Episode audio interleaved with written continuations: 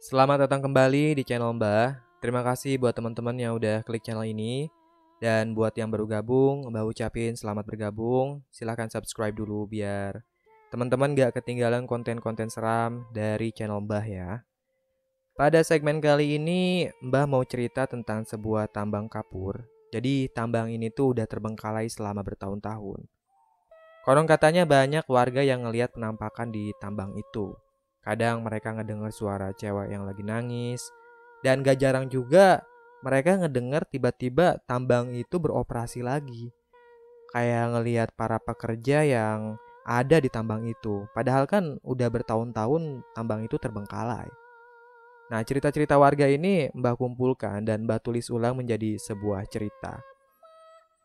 Oke, tanpa banyak basa-basi lagi, langsung aja kita simak ceritanya. Kisah ini tentang si Rudi. Dia ini adalah seorang pengusaha penjual baju di kampungnya. Dia juga udah punya toko yang lumayan besar lah di kampungnya. Dan si Rudi ini tiap belanja dia ke pasar Tanah Abang karena di sana kan pusat grosir ya.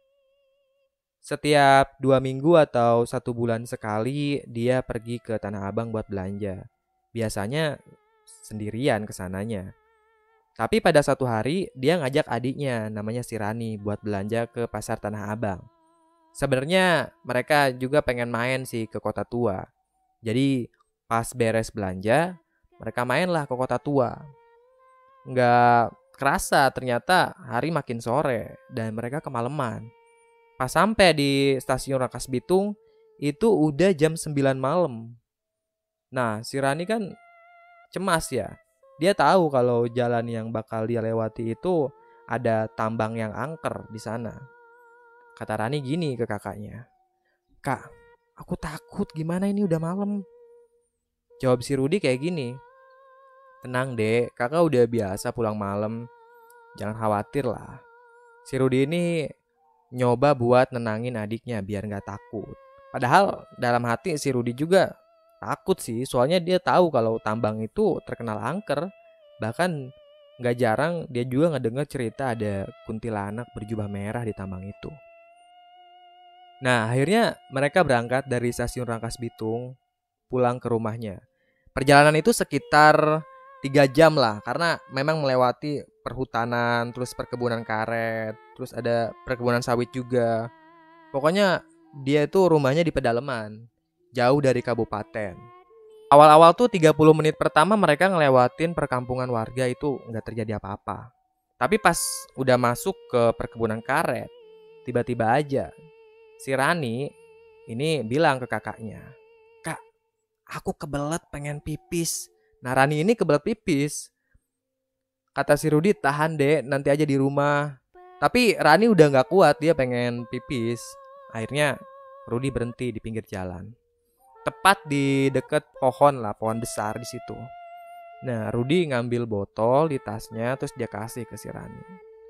Akhirnya si Rani pipis tuh di pinggir jalan, tepatnya di bawah pohon itu. Udah beres, mereka lanjut lagi jalan. Gak lama kemudian, hujan. Hujan deras. Buru-buru si Rudi tuh ngegas motornya. Itu dia nyari tempat berteduh lah kayak warung atau gubuk. Dan kebetulan di pinggir jalan itu ada gubuk, tepatnya itu warung mie sih. Buru-buru Rudi parkirin motornya di sana. Mereka berdua nampir di warung itu buat berteduh, sekalian makan Indomie. Nah, si penjaga warung ini cewek cantik, tapi dia kayak pakai kebaya dan dikonde. Terus uh, tubuhnya itu kayak bau melati gitu. Si Rani sama si Rudi ini gak curiga awalnya. Mereka pesen mie, terus mereka makan di sana. Terus si penjaga warungnya sangat ramah, nggak nggak kayak hantu gitu. Padahal kan mana mungkin ada pedagang mie di tengah-tengah perkebunan karet dan itu jalannya sepi banget dan nggak ada siapa-siapa dan warung mie itu masih buka. Nah, tapi pas si Rudi mau bayar nih, pas beres makan dia mau bayar. Pas dia mau bayar, pedagangnya nggak ada, hilang, entah ke mana gitu. Rani bingung kan, kak pedagangnya ke mana? Langsung kan si Rudi manggil-manggil, bu, bu, gak ada siapa-siapa. Dan pas mereka berdua noleh lagi ke warung itu, warung itu udah tutup gitu aja. Itu tuh kayak emang gubuk yang udah bertahun-tahun udah gak diisi. Wah, mereka langsung merinding kan. Mereka langsung merinding, terus kebetulan hujan udah mulai reda nih. Mereka jalan lagi, bawa motor lagi. Pas di perjalanan, Rudy sama Rani ini diem aja. Mereka sama-sama takut sebenarnya, gak mau bahas kejadian tadi. Dan pas di tengah jalan, mereka ngeliat si pedagang itu berdiri di antara pohon-pohon karet. Rudy langsung panik, dia ngebut lagi sekuat tenaga. Rani pegangan sama si Rudy ya kan. Mereka belum nemuin perkampungan.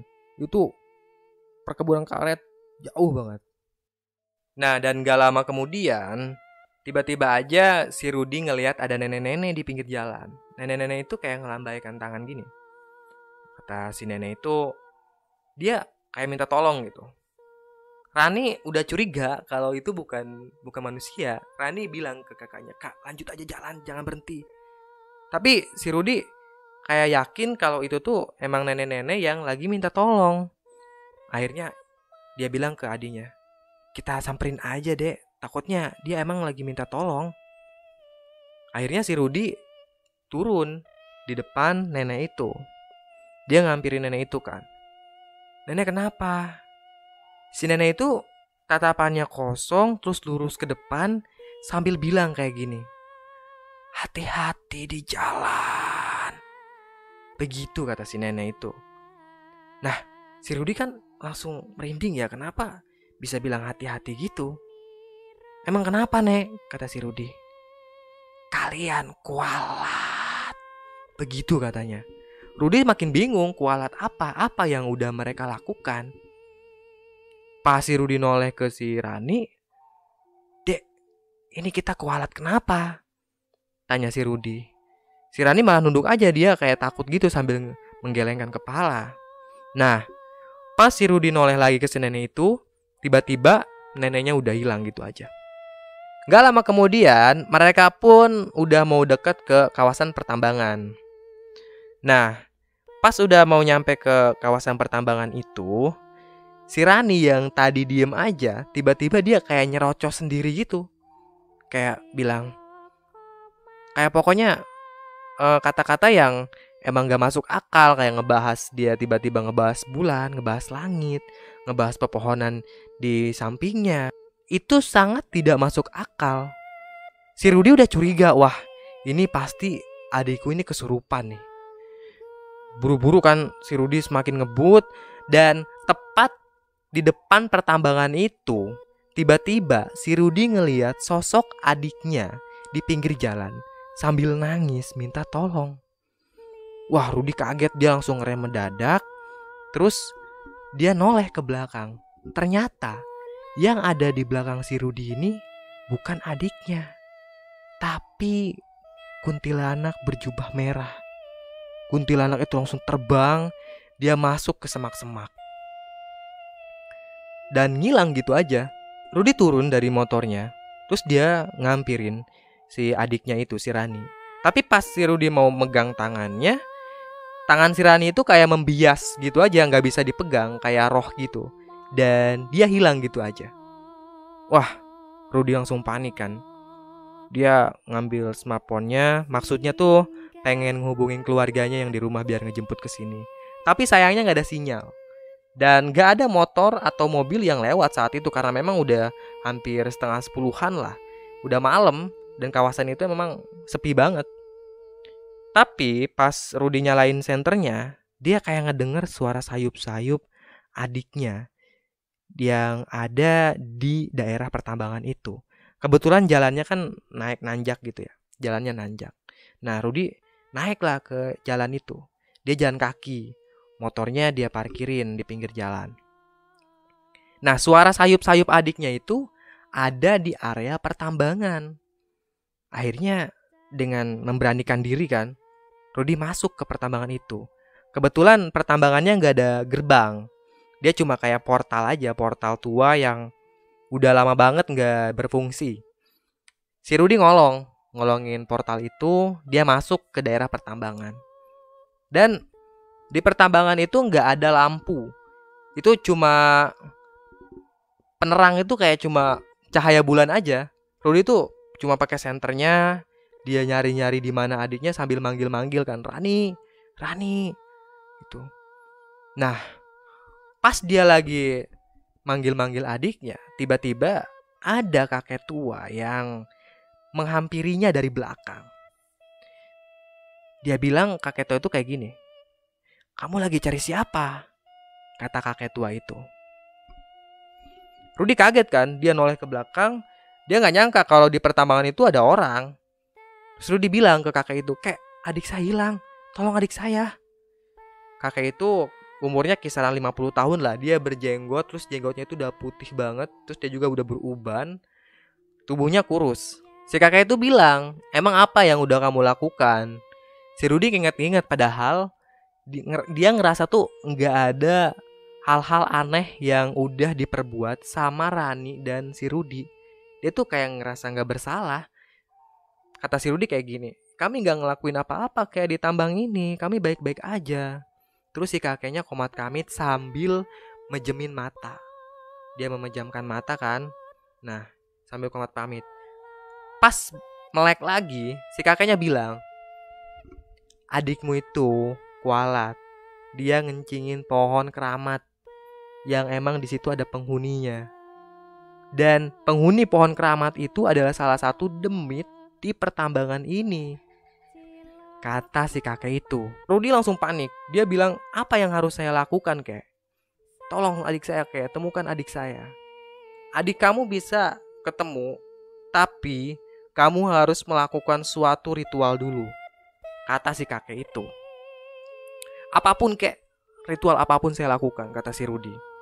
Asal adik saya ketemu. Akhirnya si kakek itu ngebawa si Rudi ke sebuah tower. Nah tower itu dia kayak alat untuk tambang lah, tapi ada kayak kolongannya, terus si Rudi suruh duduk sila di kolongan itu. Udah gitu, Rudi sebelum melakukan ritual dia nanya kan, nama kakek siapa? Panggil saya Abah Kuir, kata si kakek itu. Ritual itu pun dilakukan. Si Rudi disuruh merem sama Abah Kuir, terus Abah Kuir baca mantra-mantra. Nah, dan pas si Rudi melek, tiba-tiba aja dia udah ada di tengah-tengah kuburan. Dan kuburan itu kayak ada di tengah-tengah hutan. Banyak pohon-pohon besar di sana. Rudi heran, kenapa tiba-tiba dia ada di tengah kuburan kayak gini? Dia pun bangun dan nyari Abah Kuir. Tapi Abah Kuir itu hilang entah ke mana. Buru-buru Rudi nyalain senter di HP-nya. Dia nyorotin senter itu ke segala arah. Dan ternyata makam-makam di kuburan itu batu nisannya dibungkus pakai kain kafan. Rudi bener-bener bergidik ngeri ngelihat makam-makam itu itu kayak semacam makam keramat. Dia pun jalan ke arah barat. Dia nyari jalan keluar dari makam itu. Gak lama kemudian, dia kayak ngedenger suara gamelan dari kejauhan. Nah, buru-buru si Rudi ngampirin suara gamelan itu. Pelan-pelan dia ngedekat. Dan dari balik pepohonan, dia ngintip ada rombongan orang yang lagi nabuh gamelan. Ada lima orang penari di antara penabuh itu. Salah satu penari itu adalah si Rani, yang gak lain adiknya si Rudi. Si Rani ini kayak dikendalikan, tatap matanya kosong. Dia menari-nari di tengah-tengah para penabuh gamelan. Rudi pun heran, kenapa tiba-tiba adiknya ada di sana? Tanpa ancang-ancang lagi, si Rudi langsung ngebawa adiknya. Bahkan adiknya itu langsung dibopong gitu aja. Si Rani nggak berontak. Tatap matanya masih kosong, wajahnya juga pucat. Rudi lari dari komplotan gamelan itu. Semakin lama, suara gamelan itu semakin tidak terdengar. Si Rudi ini lari buat nyari jalan keluar dari pemakaman. Untungnya dari kejauhan, dia kayak ngelihat cahaya lampu mobil yang lewat. Nah, Rudi yakin Kalau nggak jauh dari tempatnya berdiri, itu ada jalan raya. Buru-buru Rudi menghampiri sumber cahaya tadi. Akhirnya, dia keluar dari pemakaman itu. Rudi meletakkan adiknya di pinggir jalan. Dia berusaha untuk menghubungin keluarganya di rumah. Tapi sialnya, sinyal masih nggak ada. Rudi cuma bisa berharap ada seseorang yang melintas di jalan itu. Dia udah nggak peduli sama motornya yang diparkir entah di mana. Akhirnya, tiba-tiba aja ada mobil losbak yang melintas di jalan itu. Rudy memberhentikan mobil losbak tersebut. Untungnya si pengemudi losbak ini mau memberi tumpangan ke si Rudy. Dan mereka pun sampai di kampung. Kedua orang tua Rani bener-bener nangis ngelihat anaknya. Kayak kesambet gitu. Anaknya nggak bisa ngomong. Tubuhnya lemes tapi matanya masih melotot. Detak jantungnya juga masih ada si Rani ini masih hidup. Cuman dia kayak orang kesambet. Bapaknya Rudi manggil Ustaz Zainal buat minta tolong. Kebetulan di kampung itu Ustaz Zainal ini ahli rukiah. Dia sering ngerukiah orang-orang yang kesurupan. Nah, dirukiah lah si Rani. Si Rani ini langsung ngamuk dan minta ampun. Akhirnya jin itu berhasil dikeluarkan dari tubuh si Rani.